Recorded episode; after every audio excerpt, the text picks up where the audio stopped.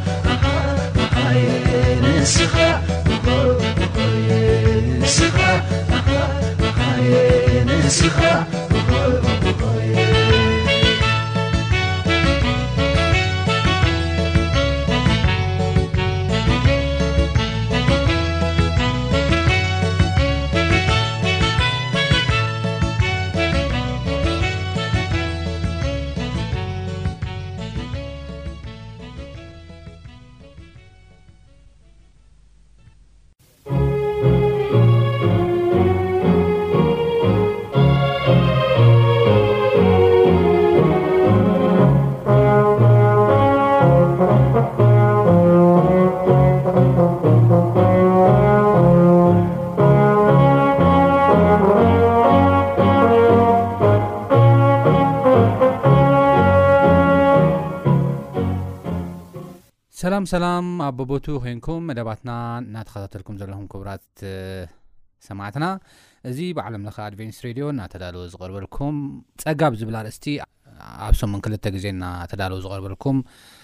መደብኩም እዩ ቅድሚ ኩሉ ግን እግዚኣብሔር ምእንቲ ኣብ መንጎና ክርከብ ሕፅር ዝበለ ፀሎት ንፅሊ ኢና ኦጎይታ ስለዚ ግዜን ሰዓትን ነመስክነካ ኣለና ሕጂ ድማ ቃልካ ከፊትና ኣብ ነዝናዓሉ እዋን ንሳና ክትከውን ክትመርሓና ብመንገድኻ ክንከይድ እውን ንስኻ ክትረድኣና ንልምነካ ኣለና ግዜናን ሰዓትና ንስኻ ባርኮ ብጎይታና መድሓና የሱስ ክርስቶስ ስም ኣሜን ንተኸታታሊ እናረኣናዮ ዘለና ጸጋ ብዝብል ኣርእስቲ ሎም እውን መቐጸልቲ ውሒዝናልኩም ክንቀርብ ኢና ከም ዝከር ጸጋ ማለት እንታይ ማለት እዩ ብዝብል ኣርእስቲ ኢና ጀሚርና ጸጋ ማለት እግዚኣብሄር ንዘይግባኦም ሰባት ብሓጢኣት ንዝወደቑ ሰባት ንምድሓን ዝሃቦ ህያብ ብነጻ ዝሃቦ ህያብ ኣምላኽ እዩ እዚ ማለት እዩ ናይ ጸጋ ትርጉም ስለዚ ጸጋ እዚ ነቲ ብሓጢኣት ዝሰኣናዮ ነቲ ብሓጢኣት ዝጎደልና ነገር ኩሉ ነቲ ብሓጢኣት ዝመጸና ነገራት ኩሉ መፍትሒ ዝህብን እንደገና ከዓ ደው ኢልና ንካልኦት ንበረከት ንካልኦት ናይ ምድሓን ምክንያት ክንከውንን ዘኽእለና ህያብ ኣምላኽ እዩ እዚ ህያብ ኣምላኽ እዚ ዝተገልጸ ብመን እዩ ብክርስቶስ የሱስ እዩ መጽሓፍ ቅዱስ ክርስቶስ የሱስ ጸጋ ኣምላኽ ምዃኑ እቲ ህያብ ኣምላኽ ምዃኑ ኢና ንርኢ እዚ ህያብ እዚ ኸኣ ኣብ ዮሃንስ ወንጌል ምዕራፍ 3 ፍቕዲ 16 ኸይና ንርኢ ኣለዋን እቲ ሓደ ወዱ ኢሉ ይገልጾ እቲ ሓደ ወዱ ኢሉ ክገልጾ ከሎ እንታይ ማለት እዩ እቲ ዩኒክ ዝኾነ ወይ ድማ ስፔሻል ዝኾነ ህያብ ኣምላኽ ከም ዝኾነ ኢና ንርኢ ማለት እዩ ፍልይ ዝበለ ህያብ ንዓና ንምድሓን እግዚኣብሄር ከም ዝሃበና እዩ ዝነገረና ማለት እዩ ካብዚ ዝዓቢ ፍቕሪ የለን ኢየሱስ ክርስቶስ ውን ህይወቱ ኣሕሊፉ ፍቓደኛ ኮይኑ ክነግረና ከሎ ካብ ዝዓቢ ፍቕሪ የለን። ናይ እግዚኣብሔር ፍቕሪ ውን ከምዚ ዓይነት ስፔሻል ፍልይ ዝበለ ውህብቶ ካብ ምሃብ ዝዓበየ ፍቕሪ የለን ይብለና ማለት እዩ። እምበኣር ናይ ሎሚ ኣርእስትና ከኣ ንሪኦ ብጸጋ ዕበዩ ዝብል እዩ። ዝተፈላለየ ኣርእስቲ እናልዓልና ብዛዕባ ጸጋ እናረኣና ጸኒሕና ኢና። ሎሚ ከኣ ብጸጋ ዕበዩ ብዝብል ቃል ክንርኢ ኢና ማለት እዩ። እንሪኦ ጥቕሲ ኣብ ካልኣይ ጴጥሮስ ምዕራፍ 3 ፍቕዲ 18 ዘሎ እዩ ብጸጋን ብፍልጠትን ጎይታናን መድሓናን የሱስ ክርስቶስ ደኣ ዕበዩ ንኡ ሕጂን ንመዓልቲ ዘለኣለምን ክብሪ ይኹኖ ኣሜን ይብለና ክደግማ ብፀጋን ብፍልጠት ጎይታና መድሓና የሱስ ክርስቶስ ደኣ ዕበዩ ንኡን ንኡ ሕጂን ንመዓልቲ ዘለኣለምን ክብሪ ይኹኖ ኣሜን ይብለና ስለዚ ኣብዛ ሓዛብ እዚኣ ንሪኣ ወሳኒት ሓሳብ እንታይ እያ? ብጸጋ ዕበዩ፣ ካልኣይ ከኣ ብፍልጠት መድሃኒትና ጎይታና ኢየሱስ ክርስቶስ ዕበዩ ዝብላ ቃላት እየን። እምበኣር ብጸጋ ዕበዩ ክብል ከሉ እንታይ ማለት እዩ? እንታይ እዩ እቲ ብጸጋ ምዕባይ ዝበሃል ዝብል ሓሳብ መጽሓፍ ቅዱስ ባዕሉ መልሲ ይህበና እዩ። ኣብ ኤፌሶን ምዕራፍ 3 ካብ ፍቕዲ 14 ኣትሒዝና ብነንብበሉ እዋን ከም ዝብል ሓሳብ ንረክብ። እዚ ጥቕሲ እዚ ኤፌሶን ምዕራፍ 3 ካብ 14 ክሳብ 19 ሰፊሕ ዓብ ሓሳብ ዝሓዘ እዩ ብርግፅ ግን ሎሚ ካብ ኣርስትና ውፃኢ ምእንቲ ከይከውን እቲ ንደልዮ ሓሳብ ጥራሕ ኢና ካብዚ ሓሳብ እዚ ክንወስድ ማለት እዩ እሞ እስኪ ነንብቦ ኤፌሶን ምዕራፍ 3 ፍቅዲ 14 ምእንቲ እዚ እውን ይብለና ናብቲ ኣብ ሰማያትን ኣብ ምድርን ዘሎ ኩሉ ወለዶታት ካብኡ ስም ኣቦ ብብርከይ እምብርከኽ ኣለኹ ይብል ጳውሎስ ክጅምር ከሎ ብመንፈሱ ኣብቲ ናይ ውሽጢ ሰብ ብሓይሊ ምእንቲ ክትብርትዑ ከምቲ ሃብቲ ክብሩ ክህበኩም እጽሊ ኣለኹ ክርስቶስ ኣብ ልብኹም ብእምነት ምእንቲ ክሓድር ኣብ ፍቕሪ ሱር ሰዲድኩም ተሰሪትኩምን ምስ ኩሎም ቅዱሳን ምግፍሑን ምንውሑን ምዕማቑን ቁመቱን እንታይ ምዃኑ ምስትውዓል ክትክእሉ እሞ ነታ ፍልጠት ሓለፋ እትብላ ፍቕሪ ክርስቶስ ክትፈልጥዋ ክሳዕ ኩሉ ምልኣተ ኣምላኽ ከኣ ምእንቲ ክትመልኡ እጽሊ ኣሎኹ። ግናኸ ከምቲ ኣባና ዝገብር ሓይሊ፣ ካብቲ ንሕና እንልምኖን እንሓስቦን ዘበለ እምብዛ ኣዕዚዙ ክገብር ዝከኣሎ፣ ካብ ዘለዓለም ንዘለዓለም ንኹሉ ውሉድ ወለዶታት ኣብታ ማሕበር ብክርስቶስ የሱስ ንእኡ ክብሪ ይኹኖ፣ ኣሜን ይብለና። ቁጽሪ ዕስራን ቁጽሪ ዕስራን ሓደን ኣብ ኤፌሶን ምዕራፍ ሰለስተ ዘሎ እየ ወሲኸ ኣንቢበ ዘለኹ ማለት እዩ። እምበኣር ኣብዚ ሓሳባት እዚ እንታይ እንታይ ኢና ንርኢ ዝብል ንምግላጽ ዝኣክል ጳውሎስ እዚ ሓሳብ እዚ ዝጸሓፉ ዋና ዕላማ እንታይ እዩ? ብመንፈሱ ኣብቲ ናይ ውሽጢ ሰብ ብሓይሊ ምእንቲ ክትብርትዕ እዩ። ውሽጥና ብውሽጥና ብቅዱስ መንፈስ እንታይ ክንገብር ንክንብርትዕ እዩ ፅሒፉ ንክትብርትዑ እንታይ ክትገብሩ ኣለኩም ወይ ድማ ምብርታዕ ማለት እንታይ ማለት እዩ ንዝብል ንክገልጽ እዩ እዚ ሓሳብ እዚ ጽሒፍዎ ማለት እዩ እቲ ቀዳማይ ምዕባይ ወይ ምብርታዕ ማለት ክርስቶስ ኣብ ልብና ብእምነት ክሓድር ከሎ ማለት እዩ ክርስቶስ ኣብ ልብና ብእምነት ክሓድር ከሎ እዩ ካልኣይ ኣብቲ ፍቕሪ ክርስቶስ ከኣ ሱር ሰዲድና፣ ተሰሪትና፣ ምስ ኩሎም ቅዱሳን ምግፍሑን ምንውሑን ምዕማቑን ቁመቱን እንታይ ምዃኑ ምስትውዓል ማለት እዩ፣ ብጸጋ ምዕባይ ማለት ወይ ድማ ምብርታዕ ማለት። ቀጺሉ ድማ ነታ ንፍልጠት ሓለፋ ዘለዋ ወይ ድማ ነታ ንፍልጠት ትሓልፋ ፍቕሪ ክርስቶስ ፍቕሪ ንፍልጠት ይሓልፋ እዩ። ብፍላይ ፍቕሪ ክርስቶስ ንፍልጠት ይበልጻን ይሓልፋን እዩ እሞ ነታ ንፍልጠት ሓለፋ እትብላ ፍቕሪ ክርስቶስ ክትፈልጥዋ፣ ክሳዕ ኵሉ ምልኣተ ኣምላኽ ከኣ ምእንቲ ክትመልኡ እጽሊ ኣለኹ ይብለና። ስለዚ ብጸጋ ምዕባይ ማለት፣ ብቕዱስ መንፈሱ ምብርታዕ ማለት እዚ እዩ። ኣብ ኤፌሶን ምዕራፍ ሰለስተ ካብ ፍቕዲ ዓሰርተ ኣርባዕተ ክሳብ ዓሰርተ ትሽዓተ እተገልጸ ማለት እዩ። ብዋና ነገር እታ ካብ ፍልጠት ዓለም ኰነ ካብ ካልእ እትበልጽ ፍቕሪ ክርስቶስ ምፍላጥ እያ። እታ ፍቕሪ እግዚኣብሄር ምስትውዓል እያ። ኣስተውዒልና ድማ ክርስቶስ ብእምነት ኣብ ልብና ክነብር ወይ ድማ ክሓድር ምግባር እዩ። ንሕና ኣይኮናን ክርስቶስ ብሓይሊ ጎቲትና ኣብ ልብና ክሓድር እንገብሮ፣ ነገር ግን እቲ ፍቕሪ ክነስተውዕሎ ከልና ልብና ንህቦ፣ እሱ ከዓ ብመንፈሱ ኣብ ውሽጥና ይሓድር ማለት እዩ። ስለዚ እዚ እዩ ብጸጋ ምዕባይ ማለት። ጴጥሮስ ኣብ ካልኣይ ጴጥሮስ ምዕራፍ ሰለስተ ፍቕዲ ዓሰርተ ሸሞንተ ዝበሎ ማለት እዩ ንምንታይ ምዕባይ ዘድልየና ሓደ ሰብ ንምንታይ እዩ ምዕባይ ዘድልዮ ኢንፋክት ኣብ ዕለታዊ ሂወትና እውን ከይና ንሪእሉ እዋን ሓደ ሰብ ተወሊዱ እንታይ ክገብር ክኽእል ኣለዎ ክዓቢ ኣለዎ ክልወጥ ክኽእል ኣለዎ እንተ ደኣ ደይ ዓብዩ ንሱ እንታይ እዩ ሓሚሙ ኣሎ ጥዕና የብሉን ማለት እዩ ዝኾነ ገደሉ ኣለዎ ዝኾነ ሽግር ኣለዎ ማለት እዩ ስለዚ ምዕባይ ኣገዳሲ እዩ ብጸጋ ምዕባይ ኩሉ ግዜ ኣገዳሲ እዩ ደው ክንብል የብልናን ምክንያቱ እቲ ተዋህበና ጸጋ ዝዕቢ ስለ ዝኮነ እቲ ተዋህበና ጸጋ ክንዓቢ ክንልወጥ ዘክእል ስለ ዝኮነ እንታይ ክንገብር ኣለና ክንዓቢ ክንክእል ኣለና ቅድሚ ካልኣይ ጴጥሮስ ምዕራፍ 317 ምንባበይ ግን ብጸጋ ምዕባይ ማለት እንታይ ኢልና ነርና ክርስቶስ ብእምነት ኣብ ልብና ምሕዳር እዩ ኢልና ነርና ብኸመይ ክርስቶስ ኣብ ልብና ዝሓድር እታ ካብ ፍልጠት ትሓልፍ ፍቕሪ ክርስቶስ ክንፈልጣን ከነስተውዕላን ከለና እዩ ኢልና ኔርና ኢንፋክት እዚ ሓሳብ እዚ ከድና ኣብ ንሪኤሉ ዋን ኣብ ዮሃንስ ወንጌል ምዕራፍ ዓሰርተ ሸውዓተ ፍቕዲ ሰለስተ ወን ከድና ኣብ ንሪኤሉ ዋን እንታይ እዩ ዝብል ንዛ ሓሳብ እዚኣ ዘልኣለም ህይወት እዩ ይብላ ኣምላኽ ሓቂ ንስኻ በይንኻ ምዃንካን እቲ ዝለኣኽካዮ የሱስ ክርስቶስን ክፈልጡ ክርስቶስ መን ምዃኑ ጎይታ እግዚኣብሄር መን ምዃኑ ክፈልጡ ናይ ዘልኣለም ህይወት እዚኣ እያ ናይ ዘልኣለም ህይወት ዓመታት ምንዋሕ ጥራሕ ኣይኮነን ቢልዮን ትሪልዮን ዓመታት ቁፅሪ ዘይብሉ ዓመታት ምንባር ጥራሕ ኣይኮነን ናይ ዘልኣለም ህይወት እንድያም ትኽክለኛ ደፍንሽኑ ወይ ድማ ትኽክለኛ መግለጺኡ እታ ፍቕሪ ክርስቶስ ምፍላጥን ምስትውዓልን እያ ማለት እዩ እምበኣር ምልስ ክብል ናብቲ ሓሳባተይ እሞ ኣብ ካልኣይ ጴጥሮስ ምዕራፍ 3 ፍቕዲ 17 ዘሎ ሓሳብ ከንብብ ቅድም ኢለ ኣብ ካልኣይ ጴጥሮስ ምዕራፍ 3 ፍቕዲ 17 ዘሎ ሓሳብ ከንብብ ደጊም ኣቱም ፍቁራተይ ነዚ ቅድም እናፈለጥኩምሲ ብስሕተት እቶም ስዲ ዝኸዱ ዘለዉ ተሳሒብኩም ካብ ጽንዓት ከይትወድቁ ተሓልዉ ይብል ብስሕተት እቶም ናብ ድሕሪት ኢሎም ዘለዉ ሰባት ተሳሒብኩም ከይትወድቁ እንታይ ግበሩ ከይትወድቁ ተጠንቀቑ ይብለና ስለዚ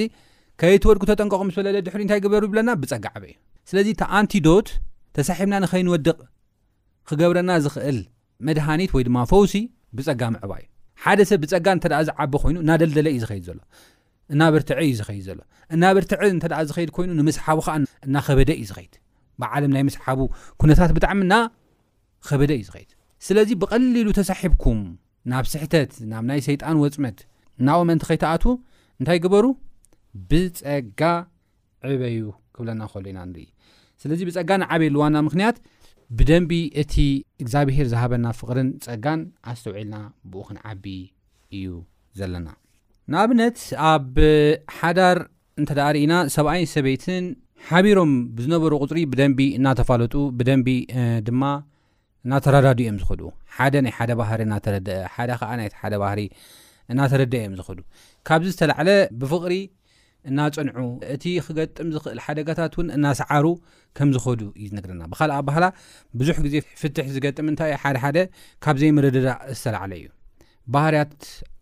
ኣዕሚቕካ ካብ ዘይምፍላጥ ዝተላዕለ እዩ። ግን ዓመታት ምስ ኣቑጸርካ ኣብቲ ፍቕሪ ኣብቲ ፍልጠት ድማ ኣብ ዝተኮርካሉ እዋን ግን ኩሉ ግዜ ሓደ ንሓዴኻ ኣመል ስለ ትፈላለጥ እናተሸኻኸምካ ናይ ምኻድ መንገዲ ይፍጠር እዩ ማለት እዩ እዚ ከዓ ነቲ ሓደ ሃጓፍ ንፍትሕ ዘጋልፅ ሃጓፍ ትኸድኖ ኣለኻ ማለት እዩ ስለዚ ንሕና ከዓ ከም መንፈሳውያን ብክርስቶስ ከም ዘለና ኣመንቲ ተሳሒብና ከይንወድቕ እንታይ ክንገብር ኣለና ምስ ክርስቶስ ቀሪብና ናይ ክርስቶስ ቃል ክንፈልጥ ፍቕሩ ክንፈልጥ ከነስተውዕል ይግብኣና እዩ እዚ ብጸጋ ክንዓቢ ይገብረና እዩ ብዝዓበናሉ ቁጽሪ ከዓ ተሳሒብና ንኸይንወድቕ የኽእለና እዩ ማለት እዩ እዚ ግን ከመይ ጌርካ እዩ ዝከኣል ብጸጋ ምዕባይ ከመይ ጌርካ እዩ ዝከኣል ንዝብል ወሳኒ ሕቶ ግን ክንምልሶ ዝግብኣና ሓሳብ እዩ። እወ ብጸጋ ምዕባይ እንታይ ማለት እዩ? ምዕባይ ከ ኣድላይነቱ እንታይ እዩ ብዝብል መሊስና ኣለና። ግን ብጸጋ ምዕባይ እንታይ ማለት እዩ? ወይ ድማ ከመይ ገይሩ እዩ ዝከኣል ብጸጋ ክንዓቢ ንኽእል ብኸመይ እዩ ንዝብል ሓሳብ ወሳኒ ዝኾነ ሓሳብ ኣብዚ ይነግረና እዩ። እቲ ቀዳማይ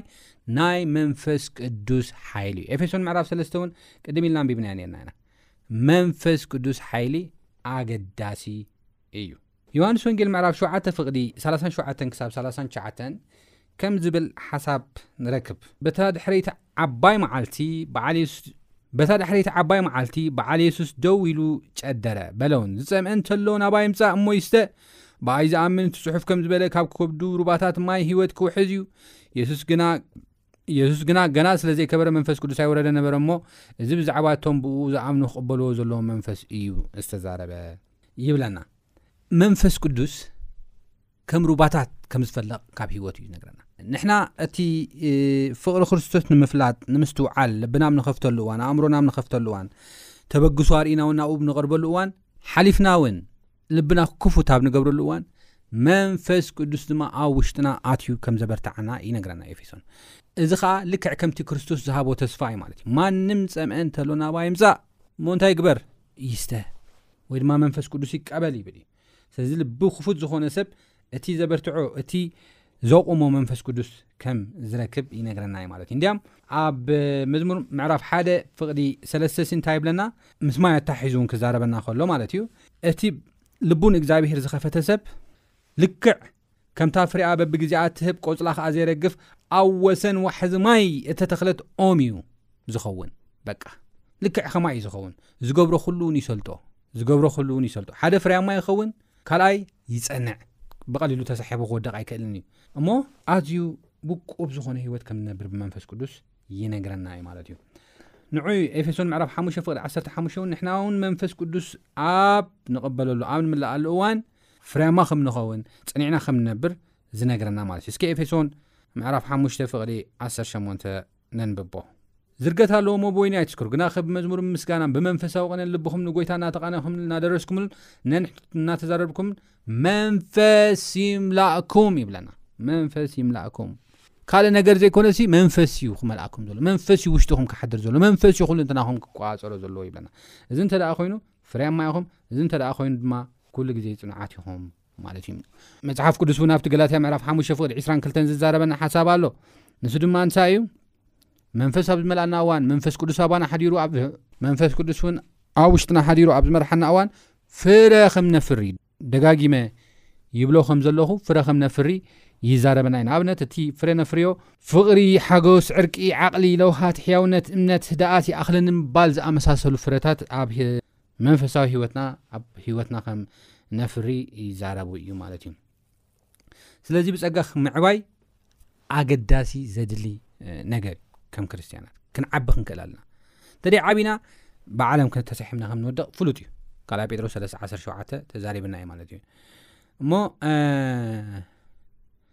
ዘይምገብ ቃሉ ዘይምገብ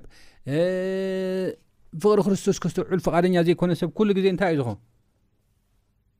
ድኹም እዩ ዝኸውን። ዝማሰነ ሰውነት እዩ ዝህልዎ፣ መንፈሳዊ ሰውነት እዩ ዝህልዎ እሞ በዚ መልክዕ እዚ ከም እተወልዱ ህፃናት ይብለና መፅሓፍ ቅዱስ። ኣብ ሕጂ እውን ናብ ጴጥሮስ ክመልሰኩም እየ። ከም እተወልዱ ህፃናት ነቲ መንፈሳዊ ፀባሲ እንታይ ግበርዎ? ናፍቕዎ ይብለና። ናፍቕዎ ከምዚ ይብል